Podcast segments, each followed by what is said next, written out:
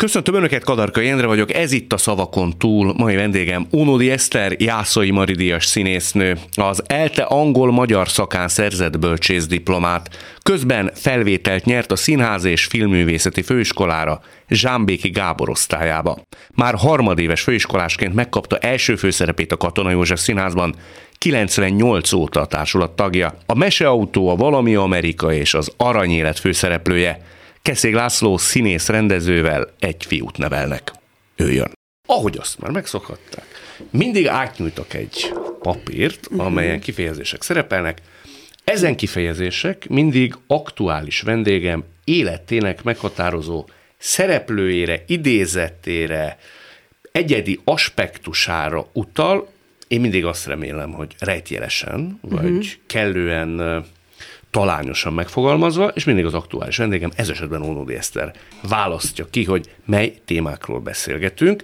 Azok kedvéért, akik nem látnak, csak hallanak bennünket, felolvasnám, hogy mely kifejezések közül választhat. A tudomány hiányzott? Utoljára. Kabala. Miért nem hitték? Újratervezés. Bohócvér. Ha belegondoltam volna, micsoda felelősség, mérföldkő, genius loki, fókuszcsoport, az hogy kell csinálni? Határrendezés, felemás antré. Azt meghallgatnánk. Ez aztán önmenedzselés. Világító torony. Ábel Anita úgy láttam, hogy ő rámutatott, nekem Igen. ez tetszik. Igen? Igen. Megpörgetem, mint hogyha valami üveg lenne, és mondjuk legyen ez. Most beleloptam egy lukba. Legyen alatta a bohócvér. Ez a bohócvér, mm az egy történetre utal, amikor te az akkori barátoddal, tudomásom szerint az ő társaságába elmentél egy butuska szőkelányt alakítva. Jaj, jaj, igen, tudom. És arra gondoltam, hogy te szereted megvezetni az embereket? Soha többet nem csináltam ilyet. Ez annyira érdekes, hogy se előtte, se utána erre nem volt példa. Akkor volt tényleg egy ilyen bolond este, hogy ugye azt, azt éreztük, hogy most meg lehet, meg lehet viccelni így embereket. Ők nem ismertek téged, kvázi nem. akkor mutatkoztál be. Igen, igen, igen. És akkor az volt a sztori, hogy valami eg- egészen elképesztően primitív nőt próbáltam ott eljátszani, és hát a baráti társaság legnagyobb szórakoztatására, és aztán persze a kis sőt, tehát a, az ismeretlen embereknek is a végén elárultuk, hogy ez nem, nem hagytuk őket ebben a hitben, de... Mit szóltak? Nem sértődtek meg? Hát nem röhögtek ők is. Ez egy jó este volt. Ö, Különben nagyon veszélyes közben, tehát lehet, hogy azért se csináltam utána soha többet ilyet, mert hogy azért ez egy nagyon veszélyes dolog. Tehát, hogy, hogy ezt a fajta átváltozást, azért ezt így etikusan csak a színpadon meg a filmen szabad csinálni és pont a színészetnek a miben létét éreztem egy picit megcsúfolva ott. Tehát, hogy nekem nem, nem egy, egy másik embert kell becsapnom, mert ez becsapás, hanem, hanem nekem a színpadon és a filmvásznon kell a lehető legtökéletesebben elhitetnem és megrajzolnom egy karakter, de hát akkor ott mindenki tudja, hogy legálisan hmm. művelem mindezt. Mire voltál te akkor kíváncsi? Nyilván a határaimra, nyilván arra, hogy, hogy, hogy a képességeim, vagy, a, vagy, a, az, az, vagy, a, vagy az alakformálása, vagy a karakterformálási képességeimnek a határainak a feszegetése lehetett ez, azt hiszem. Ez már Egyetemistaként volt, ugye? Talán már később is, már szinte pálya. Tehát még akkor nyilván nem ismert engem a, a közönség, tehát a nagy közönség. Vagy főiskolás lehettem, vagy már nem emlékszem pontosan, de valahogy az, azon a környéken. Azért önbizalmad lehetett, mert aki egy ilyet játszik, annak azért van mellé. Á, nem, akkor bulisztunk, és akkor egyszer csak így úgy azt éreztem, hogy így megfölbátorodtam. Egyébként végtelenül szorongó ember tudok lenni így társaságban. társaságban? Képzeld el, igen. Tehát én abszolút nem vagyok ilyen szóvivő, nem vagyok ilyen büfészínész, nem tudok viccet el, nem, nem tudok egy viccet el elmondani jól. Tehát ilyenkor valahogy be tudok, be tudok szorongani, és való, valószínűleg azért is vagyok ezen a pályán, mert sokkal szabadabban érzem magam, hogyha egy másik embernek a, a bőrében, vagy egy másik embernek a karakterén keresztül tudok, tudok egy másik életben belebújni. Azt mondod, hogy társaságba például szorongóvá válsz. Mm-hmm. mondjuk a katonán belül is, vagy azért, amikor mindent megismertél, és mindenkinek tudod a erejét, gyengességét, megismertétek egymást most már jó ideje. Igen. Még ott is tudsz azért megilletődött Igen, lenni? Igen, persze. Mondjuk, ha így van egy ilyen nagy büfétársaság előadás után, akkor nem én vagyok a leghangosabb De, de nagyon szívesen beszélgetek, meg, tehát hogy, hogy ne, ne úgy képzelj, hogy ülök, ülök egy sarokban, nem tudom, egy kólával, és akkor egy tizélek, rágom a körömet. Nem, tehát azért úgy normálisan élek, csak hogy nem, a színészekhez szoktak itt társítani ilyen nagyhangú, harsány, jól meg jópofa, jól beszélő, vicces, humoros, nem tudom milyen embereket, és én például nem ilyen vagyok. És ezt azért is gondolom, mert rengetegszer hívtak már különböző tehetségkutatóba, zsűribe, meg ilyen showműsorokba, meg nem tudom mibe, és azt látom, hogy erre én képtelen vagyok. Tehát ez a fajta spontán, szellemes és jó, jó mondás, és nem tudom, jó humor, vagy, vagy ilyen spontaneitás, az belőlem ilyen értelemben ö, nincsen. Tehát ez a fajta nagyon, nagyon ö, egyszerű exhibicionizmus, amit, amit teljesen tisztelek más emberekben, hogy nekik megvan. Castingra sem mentél el? Nem. Tehát annyira tudod a határait. Ezt tudom, hogy ez nekem nem megy. Uh-huh. Szerettél volna korábban ilyen lenni? Nem. Nem is irigyelted ezeket hát, a... nem akarok irigy, hát most azért minden nem lehet. Na. Tehát, hogy, hogy nekem van egy másik fajta képességem, az lehet, hogy ezeknek a másik embereknek nincsen. Szóval ez így van valószínűleg le, leosztva, vagy, vagy elrendelve, vagy ha lehet ilyeneket fogalmazni. Nem, tehát nekem valahogy másfele, másfele megy a fókuszom. De tök boldog vagyok attól, hogy viszont ki tudom élni ezt a típust is. Na válaszol kérlek akkor egy másik témát. Én Jó. közben azért itt ki. Húzogatod kifele. Igen. Hát nézzük ezt a fókuszcsoportot. A fókuszcsoport az a meseautóra vonatkozik, mert hogy tudomásom szerint... Azt hittem a youtuberre, akit a fiam néz, és meg is lepődtem volna, hogy na mondjad, igen. Hogy te nagyon sokakat, tudomásom szerint nagyon sokakat megkérdeztél a meseautóról, Aha. és azt mondták, hogy ezt vállald el. Uh-huh. Ugye ez pályád elején igen. volt. Mi volt a te vívódásod tárgya? Az volt a vívódásom tárgya, hogy ugye a meseautó előtt én már különböző művészfilmekben játszottam, ami, ami azért elég nagy figyelmet keltett mondjuk a, a az én kollégáim, meg, a, meg az osztálytársaim, meg, mert ugye hát ez nem, nem sokkal a meseautó, nem sokkal az én diploma szerzésem után volt, tehát jóformán még egy ilyen nagyon pályakezdő kis tojásé még a fenekemen volt típusú színésznő voltam, viszont már játszottam sok másik filmben, meg egy nagyon komoly művészszínháznak a társulati tagja voltam, mert tehát tulajdonképpen minden adott volt ahhoz, hogy egy ilyen, egy ilyen elit elit, elitista színésznő legyek talán. Most ezt nem tudom, hogy, hogy értsd jól ezt az elitis, elitizmust.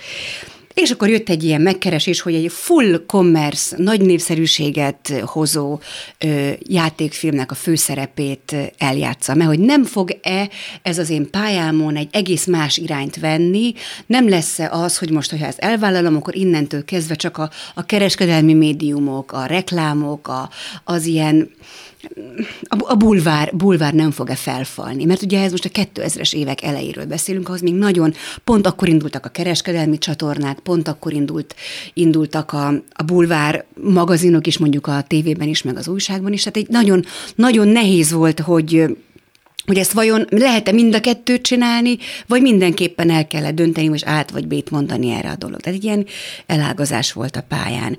És akkor a lehető legnagyobb merítésben kérdeztem embereket, hmm. hogy ők mit gondolnak erről, hogy fognak-e még velem szóba állni, hogyha mondjuk én elvállalom ezt a filmet, vagy hogy innentől kezdve kiiratkozom-e a művész színházi világból. Ha Zsámbéki vagy Asser azt mondja, hogy hát lehet, hogy egy kicsit ki, akkor nem vállalod el? Akkor lehet, hogy akkor lehet, hogy nem. Akkor én még nagyon-nagyon hallgattam rájuk. De, ma de, már nem annyira? Ö, hát ma már nyilván azért egy más, már, már én magam is sokkal több tudással vagyok a, a kis puttonyomban, tehát hogy nyilván akkor, akkor sokkal nagyobb súlyjal, vagy la, hogy mondják ezt ilyen nagyobb súly, súly na, Köszönöm szépen, úgy, amit mondtak volna, de de aztán egyért nagyon meglepő volt, hogy nagyon egyintetően mondták a lehető legdurvább ö, művészszínházi és művészfilmes kollégáim, hogy ezt meg kell csinálni, és hála a jó Istennek, hogy ezt mondták, mert belül én is azt éreztem, hogy ezt meg kell csinálni, mert olyan tapasztalattal fog ez engem felruházni, amivel fel is ruházott.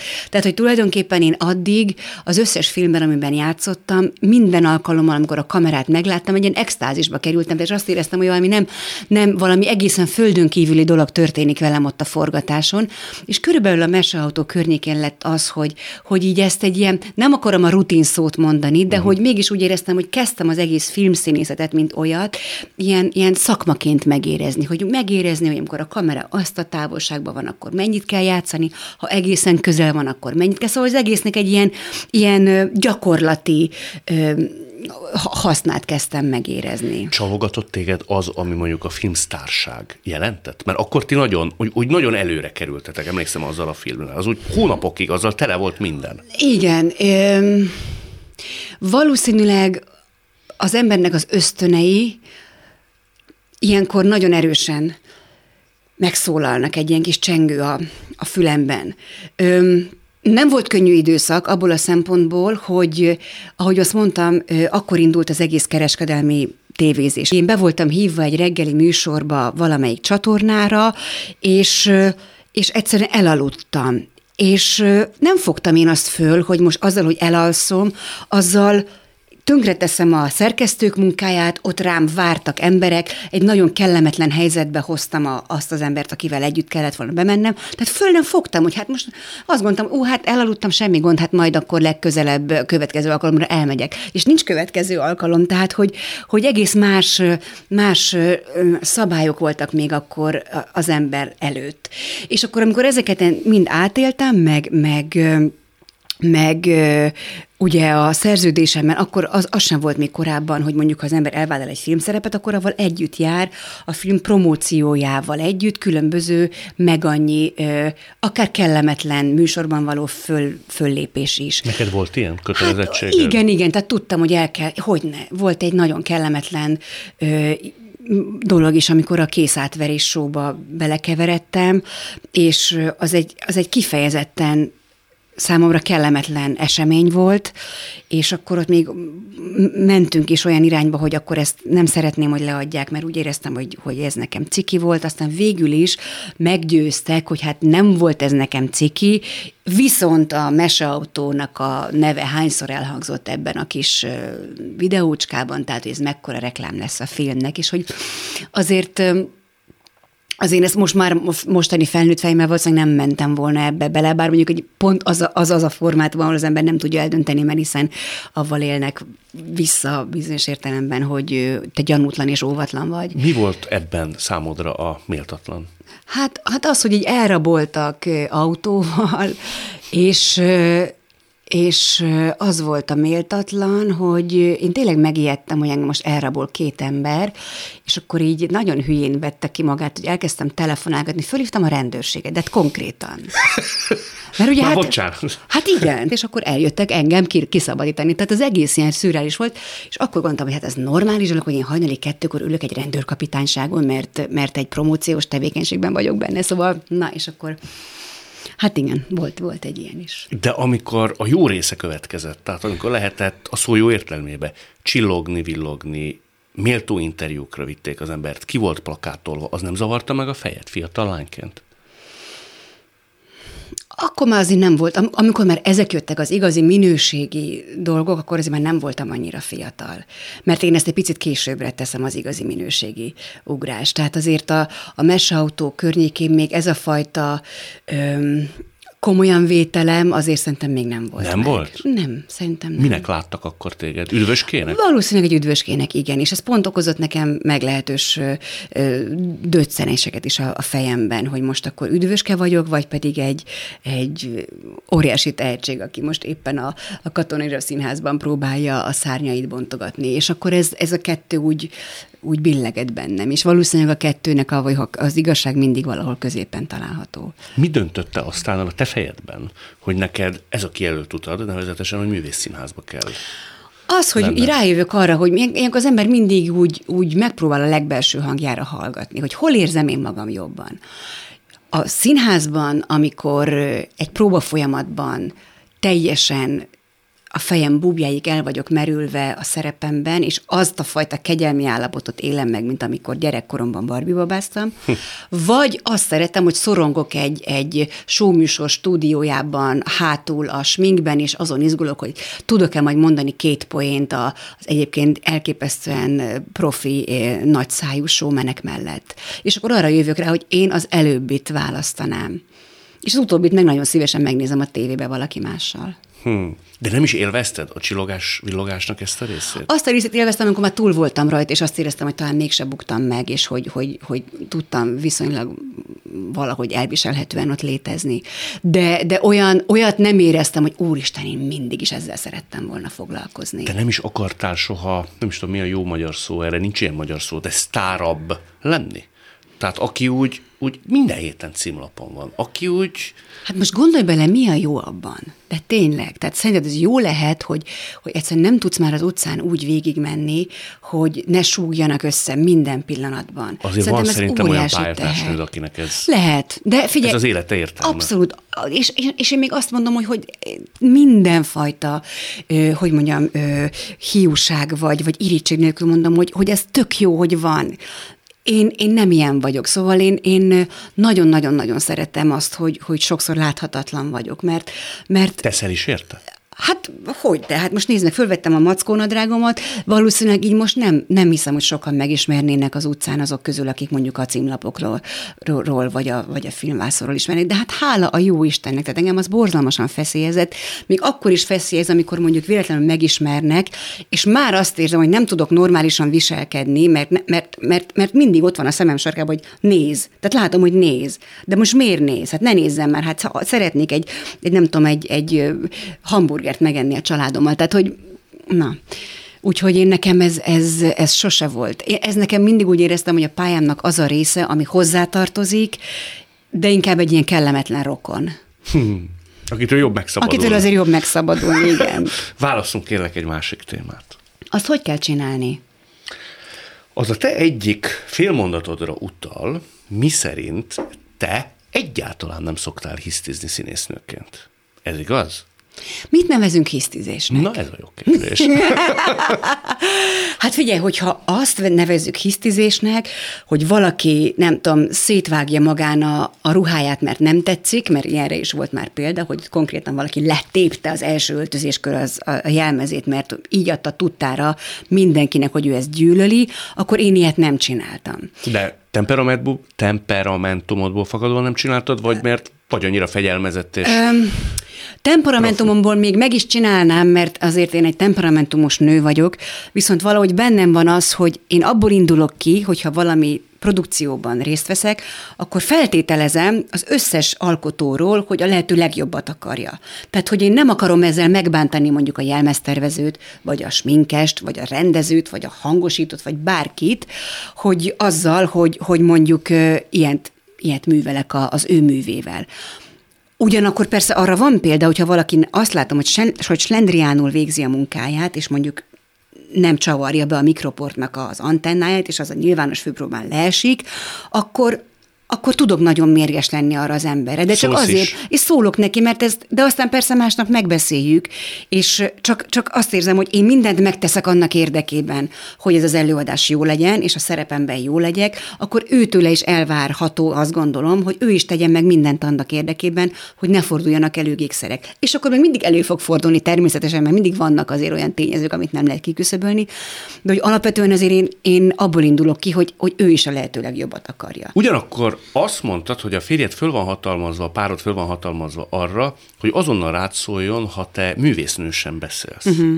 Hogy szoktál te művésznősen beszélni? Hát amikor a telefonban egy ismeretlennel beszélek, akkor, és akkor ilyen nagyon tisztelettudóan beszél, mert gondolom azt gondolja, hogy én egy művésznő vagyok, akkor lehet, hogy úgy válaszolok vissza, hogy én is én nagyon tisztelettudóan beszélek, és úgy, úgy teszek, mintha én nagyon fontos ember lennék. Aztán utána pedig leteszem a telefont, és nem tudom, le, leküldöm, hogy vigye le a szemetet. Szóval, hogy valahogy ilyen, de, de azért mostanában már szerintem ez is így, így ki, kiegyenlítődnek a dolgok, tehát nincsenek ilyen hullámok se. De voltak régebben? Hát, annyira különben nem, tényleg nem. Nem, szerintem. Ez jó dolog, mert azért én azt tapasztalom, hogy szerintem minden ember életében volt egy szakasz, amire úgy gondol vissza, hogy ott azért közel álltam ahhoz, hogy eldobáljam az agyam. És lehet, hogy ez nem volt vészes. Tehát, hogy ez nem járt hihetetlen nagy konfliktusokkal, mert működött benne valami fajta önreflexió, vagy jó volt a közeg, amely körülvette őt, és időben szóltak, de hogy az esély az megint arra nézve, különösen sikeres vagy eredményesebb életutak esetén merném ezt mondani, hogy volt rá esély, hogy picit nagyobb mellényel közlekedjen. Ez lehet, most hiába akarod, én nagyon sejtelmesen úgy tenni, mint hogyha nem foglak tudni megerősíteni. Az számomra is egy rejtély különben, hogy sokan így félnek tőlem, mert valószínűleg le, nem tudom, lehet, hogy hordoz valamit a lényem abból, hogy, hogy, hogy ilyen megközelíthetetlennek, vagy, vagy ilyen félelmetesnek tűnök ismeretlen emberek esetében. Aztán, amikor már úgy eltöltünk egy kis időt, akkor meg így általában visszakoznak. És, és Sok ilyen rászméléssel igen, találkoztál, hogy, hogy, nem ilyennek gondoltunk? Igen, igen. Mit mondanak, hogy milyennek gondoltak? Hát valószínűleg ezt a divát, ezt a diva sztereotípiáját próbálják uh-huh. valahogy rám sütni, vagy rám erőltetni.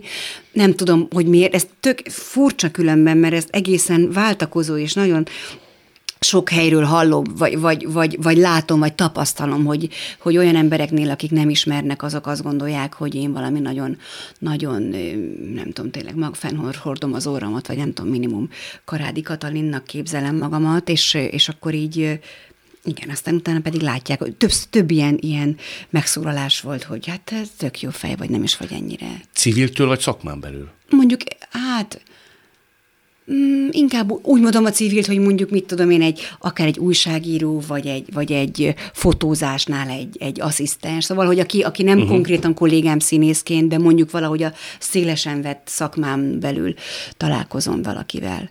Ez De bár... még az is van, hogy mondjuk egy, egy ismeretlen ember, aki vagy, vagy ha mondjuk egy étteremben ö, oda, oda merészkedik hozzám, és akkor így kér autogramot, és kér egy fotót, és akkor azt gondolja, hogy ez, hogy, hogy hát alig mert oda jönni hozzám, és közben meg hát így semmi gond nem volt abból, hogy csináltunk egy közös szelfit. Lehet, hogy méltóság teljes vagy egyébként. E, igen. És azt tűnik Há, ilyen, van. ezek szerint félreértésekre okot adó attribútumnak. Na jó, ma is tanultam valamit. Viszont az egyik téma az, ha már ezt említed, akkor azért szóba hoznám, ez a felemás antré, ha már itt az autogramot Na. említetted, hogy a, a fiadnak az egyik ilyen iskolai rendezvényen tudomásom szerint 30 autogramot kellett hirtelenjébe kiosztanod, Igen. ami azért nem feltétlenül így a rejtőzködésre utal. Hát jó, mondjuk azért egy fiamnak az osztályban nyilván tudták, hogy mi van, és ez egy nagy dolog volt. Bár az is érdekes dolog, hogy, a, hogy például a fiamat is próbáltuk úgy, úgy nevelni, hogy nagyon sokáig nem volt tudatában annak, hogy az ő édesanyja mondjuk egy színésznő, aki, aki néha a tévében meg a filmvásznon hogy, van. Hogy nem tudta ezt? Mert arra, arra gondoltunk, hogy ő ne legyen az a gyerek, aki tényleg az anyatejet is a színházi büfében szívja. Tehát, hogy, hogy így próbáltuk a lehető leghossza. Én, én nagyon sokáig ö, nagyon keveset dolgoztam az ő születése után, hogy minél többet tudjak együtt lenni vele, és próbáltuk a legnormálisabb bölcsödébe, óvodába járatni, és nem, nem ilyen ö, művész óvodába, meg mit tudom én, ilyen helyekre, hanem a lehető legnormálisabb közegbe kerüljön, hogy, hogy ha mondjuk esetleg ezt a pályát szeretné majd választani, akkor ne a szülői nyomásra történjen ez, hanem úgy, ahogy mondjuk az én esetemben, hogy már mindent megpróbáltam, hogy ne legyen, de aztán mégis ez lett. Na lényeg az, hogy, hogy aztán tulajdonképpen neki az általános iskolás, meg az késő óvodai társai hívták föl tulajdonképpen a figyelmet arra, hogy az ő anyukája színésznő, mert hogy, hogy ő tényleg, hát amikor jött hozzá az kis óvodás társa, hogy hát láttuk anyukádat a tévében, és ő nem is értette, hogy ez miért akkor a dolog, hát nyilván minden gyereknek az anyukája a tévében van, úgyhogy ez a 30 autogram, ez kb. ez ennek köszönhető, hogy az osztálytársak egy kicsit úgy túl, túltolták ezt a dolgot. Hogy ő nem is igen. ezen a pályán tervezi az életét? Még nem tudjuk, hogy merre fele van, vannak mindenféle, vannak mindenféle tényleg tervek, meg ötletek, meg fellángolások, de nem tudom még. Mennyi idős ő most? 17. 17. Hát akkor még ráér. Még ráér, de már most szerintem, ha meghallgatja ezt a beszélgetést, most fog először az asztalra csapni, hogy már megint rólam beszélsz, anya pedig megkértelek, hogy soha többet nem beszélj róla. Megkértelek? Hát igen, tehát amikor pedig én mindig az interjúkat, mielőtt kikerülnek, akkor ha róla szó van, akkor mindig felolvasom, mert úgy érzem, hogy ez a korrekt, hogy, hogyha én beszélek, akkor tudjon róla, hogy mi van. És akkor már többször megkért, hogy jó, de most már tényleg az utolsó legyen, de most már tényleg az utolsó. Akkor nem hozzuk őt zavarba, választunk egy másik témát, nehogy baj legyen belőle. Jó. Hát akkor legyen a kabala. A kabala. Igaz az, hogy te babonás? Nem. Nem? Úgy különben nem. Azért van egy-két dolog, ami mondjuk egy dolog, hogy például jó, mondjuk reggel csak a jobb lábamra lépek, amikor kikelek hát az azért ne haragudj, azért nem akár. hát, hogy nehogy bal lábbal keljek fel.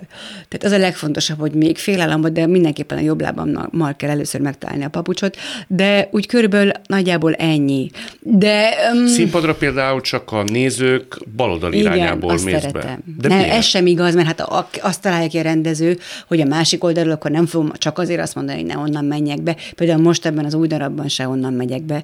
Ez a cseresznyés Ez a cseresznyéskert, ott is a másik oldalról kell bejönni. De máshogy jössz be? Tehát van benned valami fajta nem, szorongás, nem? Ez nem, csak játék? Nem, csak játék, mert onnan van a büfé, ott nyílik a büfé, és akkor az, az a közelebbi bejárat. De az is igaz, hogy a színháznak vannak, van a színpadnak vannak ilyen, ilyen érzetre jó helyei, tehát azokat az ember, ha nem is babona szinten, de vannak olyan pontok, ahol jó lenni, és azt nem tudod megmondani, hogy miért jobb ott lenni, mint ott, de ez így van, hogy ott jobb lenni. Mm, tehát nem tartom magamat nagyon babonásnak, ezen a ágyból kikelésen kívül nincsen, nincsen még rigolyám, de ha mondjuk egy fekete macska átmegy előttem, akkor azért megkérem, picit. hogy lehet, lehet, akkor inkább jobbról balra menjen, ne fordítva. Ezért én már nem akarom nyomasztani magamat, mert van elég szorongani való amúgy is az életben. De mint tudsz te szorongani? Jézus Isten, mint tudok, hát mind nem.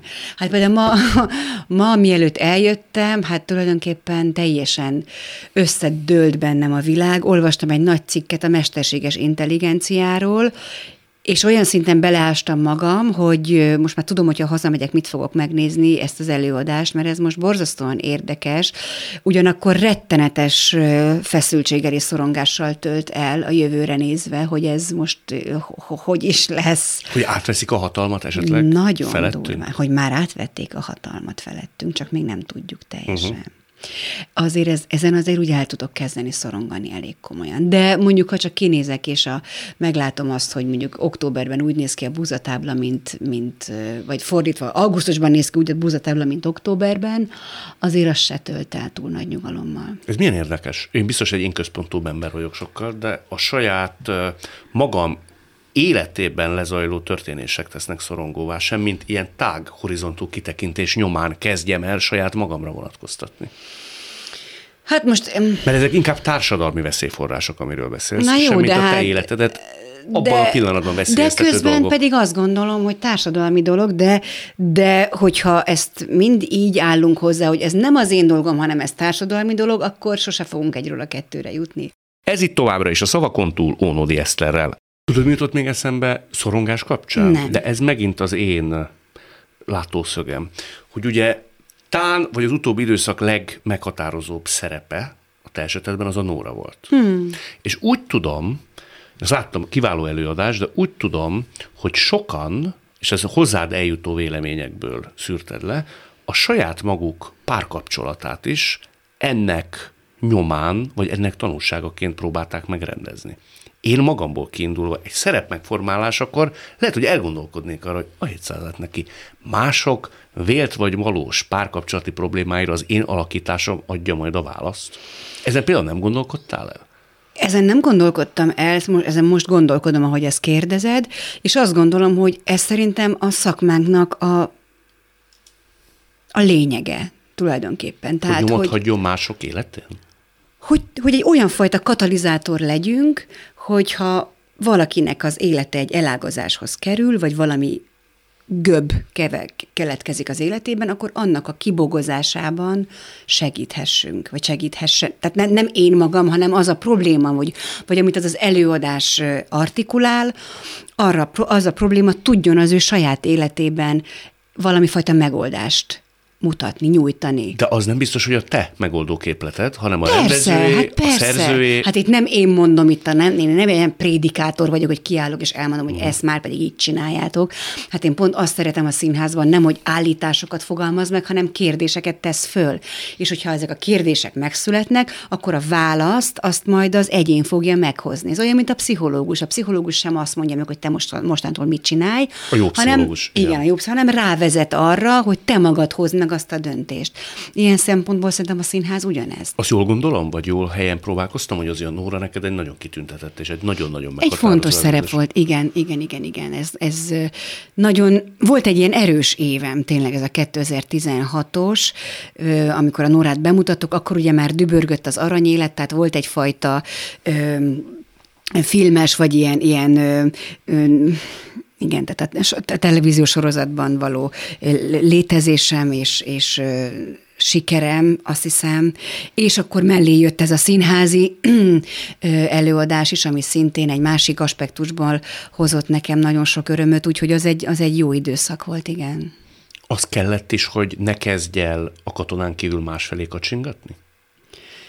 Én már szerintem azért eléggé régóta a katonába gyökeret vertem, tehát abban én most már lassan 25 éve ott vagyok, és az, hogy mondjuk kétszer inoktam meg, hogy talán el kéne onnan mennem, vagy kétszer jött el hozzám olyan fajta csábítás, hogy Lehet tudni, hogy mik voltak ezek?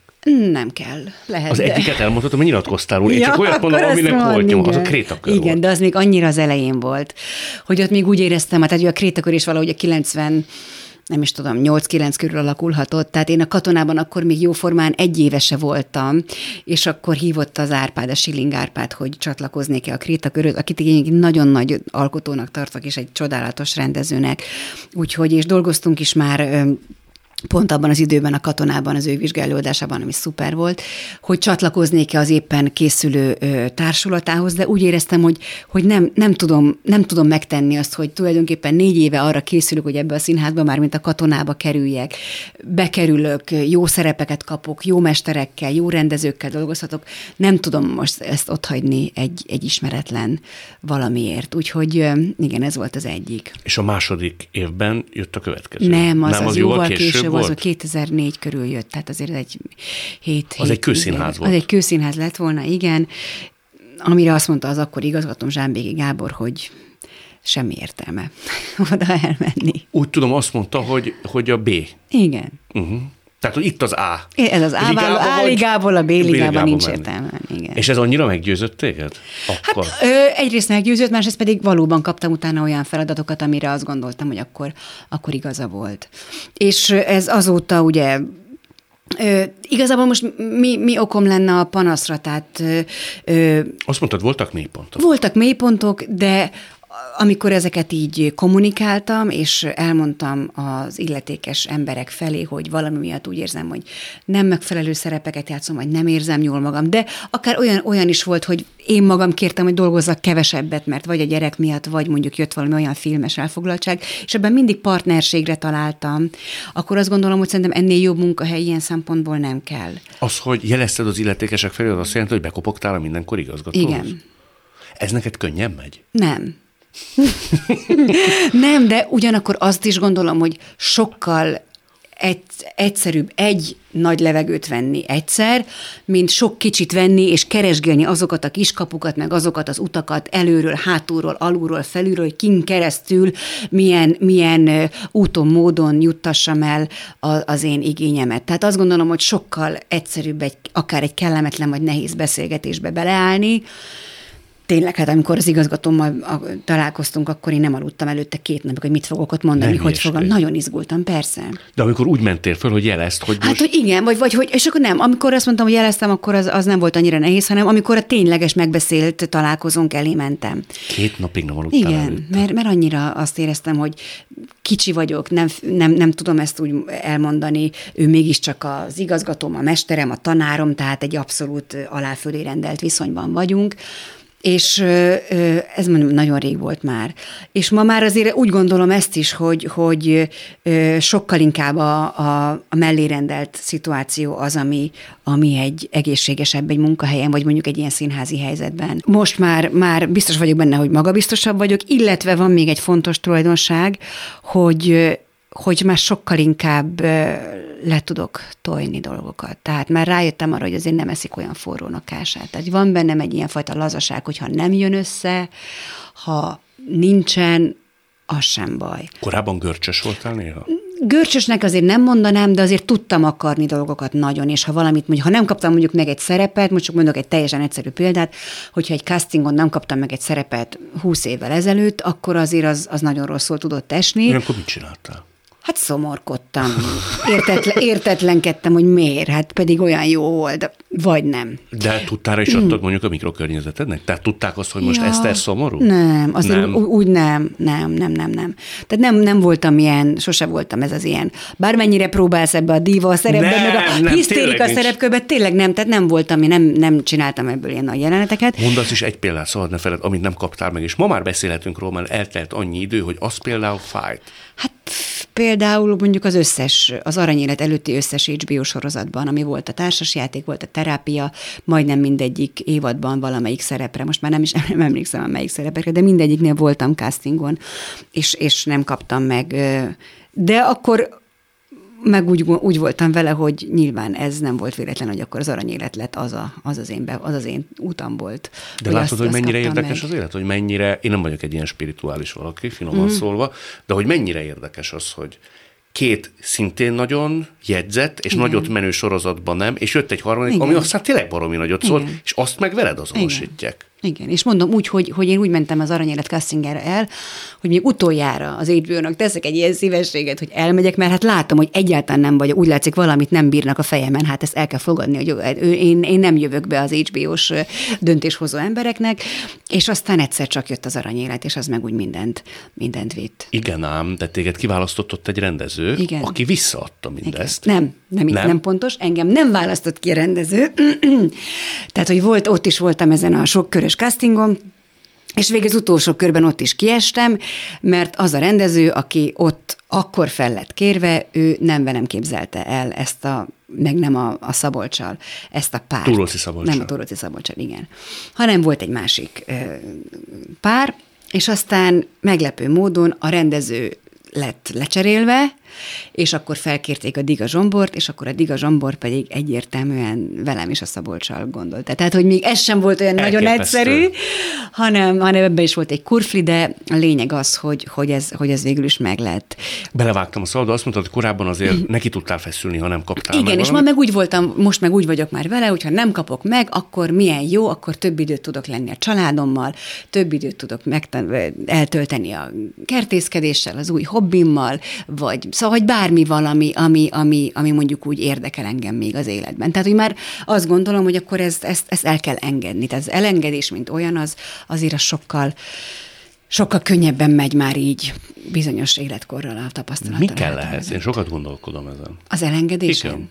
Nem az kell, hogy az embernek egységnyi idő alatt már megfelelő számú sikere legyen. Lehet, hogy ez is benne van. És Igen. ez a része kielégült. Igen, ez lehet, hogy így van. Igen. Tehát én is azt gondolom, hogy, hogy ha már, ha most már semmit nem csinálok a következő remélem 40 évben, vagy nem tudom, 30-40 évben, akkor már azért van egy pár olyan dolog, amit, amire hála Istennek dobozban van, pendrive-on van, le van torrentezve, vagy esetleg a színházba járóknak a fejében ott van, mint egy memória, az, az ő memória kártyájukon, hogy beégett talán egy-két olyan dolog, akkor azért ez már jó. Hogyha ez nem lenne, és ha azt érezném, hogy még mindig, mindig nem találtam meg azt, ami, ami igazán én lennék, akkor ez biztos, hogy sokkal nehezebben menne, ez biztos. Van olyan terület az életnek, ami ilyen értelemben képes benned gombokat nyomogatni? Mint ami volt régen, egy-egy szerep, vagy egy-egy ilyen ö, színészi megvalósítás? Hát most már ezek a gombok azért már berosdásodtak, én azt hiszem. Tehát ö, nyilván el, tehát ilyen gondolatkísérletként el lehet azzal játszani, hogy, hogy mi lett volna, ha mondjuk és ezt megint csak nem én találtam ki, hanem így újság, újságokban olvastam azt, hogy ha, hogyha ez a sorozat mondjuk nem Magyarországon készül, hanem Amerikában, akkor ennek az alkotói most már éppen hol tartanának. De, de ezen a szinten pedig tudom azt, hogy abban is volt szerencsém, hogy dolgoztam együtt hollywoodi világsztárral. Ki dolgoztál együtt?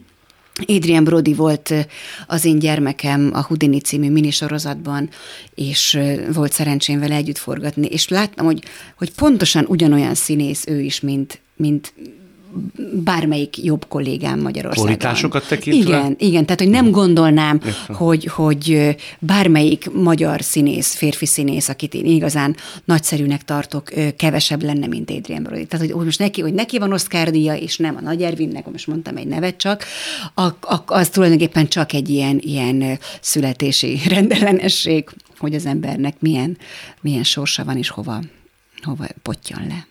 Ugyanakkor mondod, hogy két napig nem aludtál, amikor mm-hmm. fölmentél a mindenkor igazgatódhoz. Amikor téged először nem vettek föl, nem, egyetlen egyszer nem vettek föl, Igen. és másodszor már bejutottál a főiskolára, Igen. akkor te megvártad az asert. Igen. A harmadik rosta után, és bekönyörögted magad. Igen. A Zala Szent Gróti mm. ö, táborba, úgyhogy már megvolt a létszám. Igen. Szóval ahhoz azért nagyon kell hinni igen, magának. és én magam is azt tudom, hogy soha előtte és soha utána ilyenfajta akcióra nem vetemettem. Ott egyszerűen azt éreztem, hogy itt és most van az a pillanat, amit hogyha, és ez, nem egy, tehát nem követtem őt, nem, nem volt, de ugye előre eltervezett akció ez az én részemről. Megláttad, és az oda kell Összefutottunk menni. az utcán, és azt éreztem, hogy most ezt, ezt most oda kell mennem. Tehát, mint hogy egy ilyen mágnes oda húzott volna hozzá, és ott el, eldadogtam. És szerencsém volt, mert ugye azt hiszem pont a harmadik rosta után egy vagy két nappal volt, tehát ő még emlékezett rám, hiszen ő is szavazott annak idején a, a főiskolai tanári karon belül, tehát tudta, hogy, hogy ki vagyok, vagy, vagy valamilyen szinten derengett az, hogy én engem már ő látott színpadon, és akkor így mondta, hogy hát akkor hozzak egy hálózsákot, aztán majd valamit valami lesz.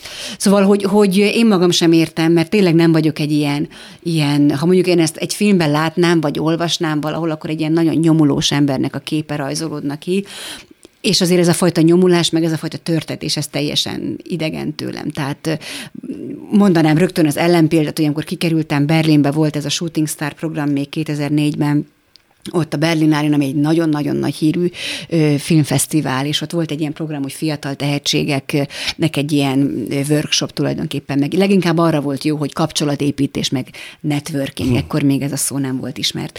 És hát ott, ott azt éreztem, hogy ez teljesen nem az én utam. Tehát ott meg lehetett volna az, hogy egyfolytában nyomulok, és adom az anyagaimat le különböző casting ügynököknek, meg menedzsereknek, meg egyebeknek, de rögtön levettem, hogy ez ezzel az életformával, amit én élek, hogy van egy színházi színházi szerződésem, egy társulatnak a tagja vagyok Budapesten, nem fog összejönni, tehát hogy teljesen fölösleges ráfeszülni erre az úgynevezett nemzetközi karrierre. Ha akkor nem mész oda a serhez, lehet, hogy máshogy alakul a karriered? Biztos. Biztos? Biztos. Lehet, hogy akkor nem megyek el legközelebb a felvételire a következő évben. Tehát akkor még mindig voltak bennem kételyek, és valószínűleg azért is sodródtam oda, mert, mert úgy éreztem, hogy, hogy most már döntsük ezt el egyszer mindenkorra, hogy nekem van ezen a pályán dolgom, vagy nincs. Mert éreztem, hogy a főiskolai felvételén nem, nem futottam jó formát, tehát, hogy én ennél több vagyok, én ennél jobb tudok lenni, ott nem jött össze egy csomó dolog. Valami miatt nem beszéltünk egy nyelvet az akkori a másik osztályfőnök tanárral, aki azt az osztályt vezette. Benedek Miklóssal, ugye? Nem, nem, nem, nem? Ő, ő Marton László. Marton László Igen, tehát én először a Marton Lászlóhoz felvételiztem, és ott, ott valahogy nem. Ja, nem, igen, a második osztály párhuzamos és, osztályfőnöke volt Benedek. Volt igen, igen, bocsánat. Igen, igen, igen. Tehát a Martonnal nem, nem érezt, értettem meg magamat, valahogy nem, nem éreztem azt, hogy mi egy nyelvet beszélnénk. Tehát, hogy magyarul ak- akartam magamnak egy, egy olyan sanszot adni, hogy, hogy tényleg ezt most akkor döntsük el egyszer mindenkorra. És akkor abban az egy hétben, ott azon a táborban, ott kiderült, hogy, hogy itt, itt igen, csak, igen csak van, van dolog ezzel a pályával. Azért ez hidegrázós valahol. Nekem valakinek, abszolút ez volt, igen. Hogy ezen múlna egy igen. véletlen találkozás igen. eredményeként egy akkori szokatlanak és rendhagyónak nevezhető döntés eredményeként alakul valakinek ennyire máshogy, hogy alakulhat máshogy az élet. Igen, nyilván ebben benne volt az, hogy én akkor ugye egyetemre jártam már az eltére, és folyamatosan ott is az egyetemi színpadon sertepertéltem a szószoros értelemben, tehát volt valami, valami hívásom a színház felé, és nyilván, hogyha én egy nagyon boldog könyvtárban ülő, jegyzetelgető, fordító tanonc lettem volna, és ebben megtaláltam volna az örömömet, akkor valószínűleg ez nem történik meg. De mivel folyamatosan azt éreztem, hogy nem az én életemet élem ott az egyetemen, és nem látom magamat ebben a közegben kiteljesedni, hanem valami más fele hív az, a, nem tudom, az ösztönő rendszerem, vagy akármi az idegrendszerem, akkor, ha ez nem lett volna, akkor nyilván nem történik meg ez a találkozás sem. És az például, hogy te sokáig menekültél a zenés vagy énekesi feladatok elől, ha jól tudom. Hát, hogy menekültem, az egy enyhe barokkos túlzás. nem találtak meg, és ami meg megtalált, az meg olyan fél, fél siker volt. Azt te érezted fél sikernek? Nem, azt mindenki sajnos, sőt, hát volt mondjuk kettő zenés meg, megmutatkozásom volt, Ebből az egyikre azt mondom, azért az, az, azt nagyon szerettem, meg azt szerintem egy izgalmas előadás volt, ez a muzik, muzik, muzik, amit uh-huh. a katonában csinált a Pelső Ciréka rendezte, és az egy, az egy különleges este volt. Azt én egy, egy szerelem dolognak gondoltam, de volt egy másik zenés előadás, ami viszont, ami viszont nem sikerült nekem. Tehát ott nekem az egy, az egy, az egy kudarc volt. És akkor úgy gondoltam, hogy akkor nekem ezt nem kell erőltetni. De mi volt a baj? Az, hogy nem voltam jó a szerepben, rosszul énekeltem, rosszul játszottam, ronda voltam, tehát minden, amit csak... De ezt más is megerősített? Szerint, hát nem akartak gondolom ezzel megbántani, de hát ez az ember abszolút érzi. Tehát ez Ekkor nem. írta azt egy jeles kritikus, hogy a főiskolai zeneoktatásnak... Nem, az még korábban volt, az a Koldus Operánál volt, a, ami, ami igen, az, az, az volt tulajdonképpen az első zenés megmozdulásom, ott írta róla Molnár Gár Péter, aki körülbelül én nagyon nagy rajongója voltam az ő írásainak. De hát, nem, sajnos azt kell mondjam, hogy én nem voltam az ő kedvence, de tény és való, hogy azóta ilyen szintű kritikus nem tört, nem született, vagy nem, nem, nem volt a Magyar Színház történetben. Úgyhogy én roppant élvezettel olvastam az ő kritikáit. Amikor rólam írta, akkor azért azt úgy átugrottam, mert hát azért azt tudott fájni. Tehát többek között ő írta azt le, hogy a főiskolai énekoktatásnak a, a szégyene, vagy hogy mondjam, a, igen, tehát a szégyene vagyok. Hát ez egy megsemmisítő. Megsemmisítő mondat, mondat igen. Tehát ez azért, azért ez, ez hozzátett jócskán ahhoz, hogy bennem azért lettek ilyen, ilyen fajta gátak a, a zenés műfajjal kapcsolatban és biztos, hogy nem énekeltem jól azt a poli szerepet, ami hát egy nagyon nehéz, főleg prózai színészek számára, ugye koldus operáról beszélünk, de azért ott nagyon sok nehezítő körülmény volt, és akkor most finoman fogalmaztam avval az előadással kapcsolatban, tehát ott azért azt az én nyakamba varni, az egy kicsit fájt, de mindegy, túléltem azt is. És ezek a frusztrációk, gátlások, komplexusok, hogy szabadulnak fel színpadon, éneklés címén? Éneklés címén ezek úgy szabadulnak fel, hogy, hogy nem a színházi színpadon szabadultak ezek föl nekem, hanem a zenész, mármint hogy a, a, a koncertszínpadon szabadultak fel, ami hát egy nagyon egyszerű, és tényleg ez is egy ilyen véletlenszerű történet, hogy amikor meghalt 2016-ban David Bowie, akkor az ő halálán nak kapcsán, vagy arra való emlékezésként a Salamon András filmrendező, aki valaha az URH nevű zenekarnak a dobosa volt, tehát volt némi kötött, köteléke a, a zene iránt, kitalálta, hogy csináljunk egy David Bowie emlékkoncertet, de annak legyen az a pikantériája, hogy nem csak zenészek, lenne benne nyilvánvalóan egy zenekar, de a föllépők azok inkább színészek lennének, egy-két énekes mellett még. És azokat a színészeket hívta el az András, akikethez volt valami közel pályája során, és én is belekerültem ebbe a kalapba, és tényleg esküszöm, hogy nem értettem, hogy hogyan és miért. Többször próbáltam őt lebeszélni, hogy ennek, ennek semmi értelme, ennek kitenni magamat, meg a közönséget is, mert ez nem fog jól elsülni. De ő mondta, hogy de, de, de, de próbáljuk meg, aztán, hogyha ha végképp kudarcot vallunk, akkor mindig ki lehet szállni. És ez a tudat, hogy tulajdonképpen nem vagyunk leszerződve így kvázi egymás számára, hanem ez egy ilyen szabad dolog. Végül is el, eljutottunk a koncert koncertig, magáig, ahol hát ugyanolyan kb. az a fajta izgalom volt bennem, mint amikor a igazgatómhoz ott mondjuk nem két napig, de mondjuk egy napig ott nem aludtam, az is igaz, a koncert előtt, és ott hirtelen az izgalomtól, a, a közönség szövegektől, a magától a zenétől, vagy valahogy úgy összeálltak ezek a dolgok, hogy ott valami, valami átszakad bennem ezzel kapcsolatban, és ott valami egészen frenetikus élmény fűződik nekem ehhez a koncerthez.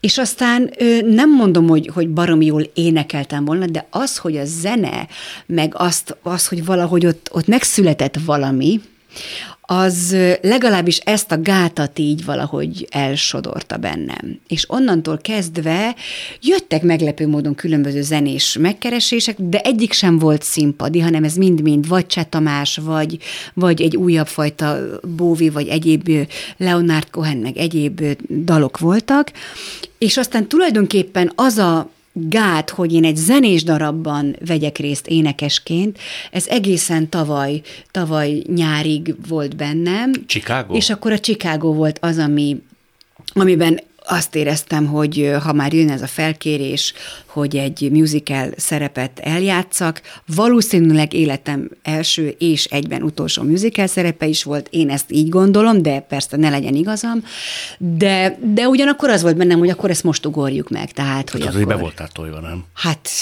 hát szerinted? Hú, persze. Viszont az, hogy ott is egy hónap alatt tulajdonképpen olyan melót csináltunk, ami szerintem nekem nagyon fontos volt, hogy ezt megléptem. Tehát, hogy, hogy egyrészt az, hogy a zenés műfaj, mint olyan, hogyha bárki azt gondolja, hogy az a úgynevezett könnyű műfaj, akkor azt mondom, hogy csinálja utánunk, nem csak én utánam, hanem aki ebbe benne volt mindannyiunk után.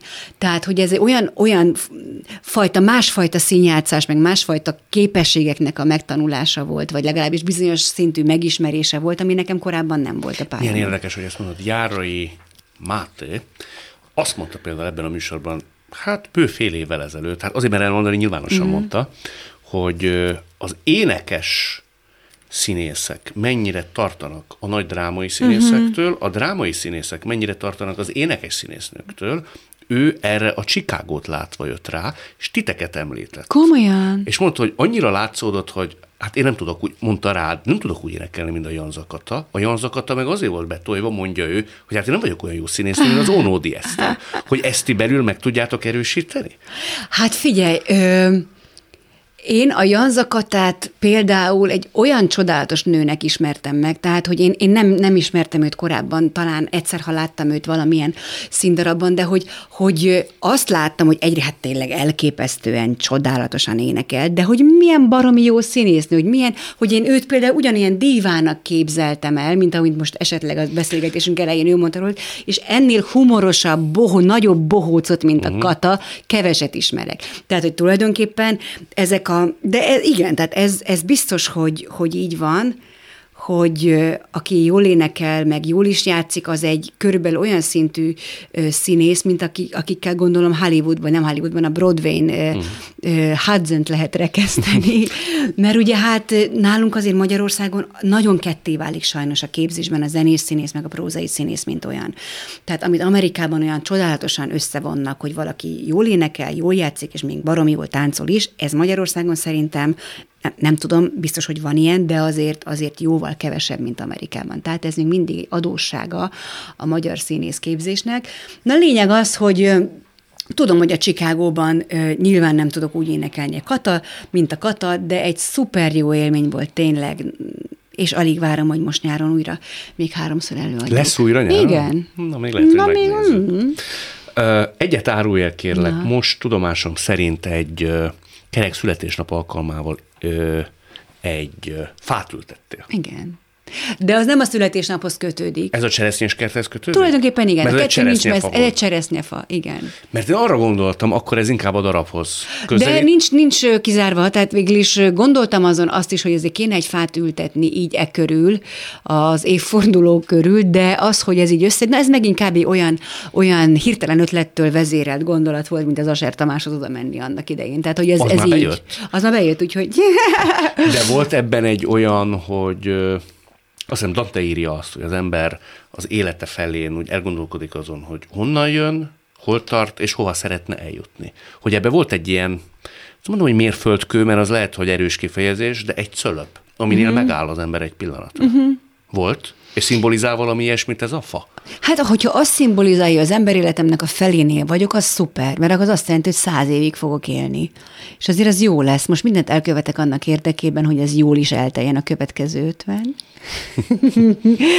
Tudatosan élek most már sokkal tudatosabban, mint mondjuk az előző ötvenben. Úgyhogy remélem, hogy remélem, hogy még azért sokszor meg fogok tudni állni a mellett, a fa mellett, és el fogok gondolkodni, hogy amikor ezt ültettük, akkor mi volt. Hát kívánom, hogy ez legyen így. Unódi Esztert, a nem divát látták, hallották. Nagyon köszönöm. Köszönöm szépen. Ez volt a mai Szavakon túl Ónódi Eszterrel.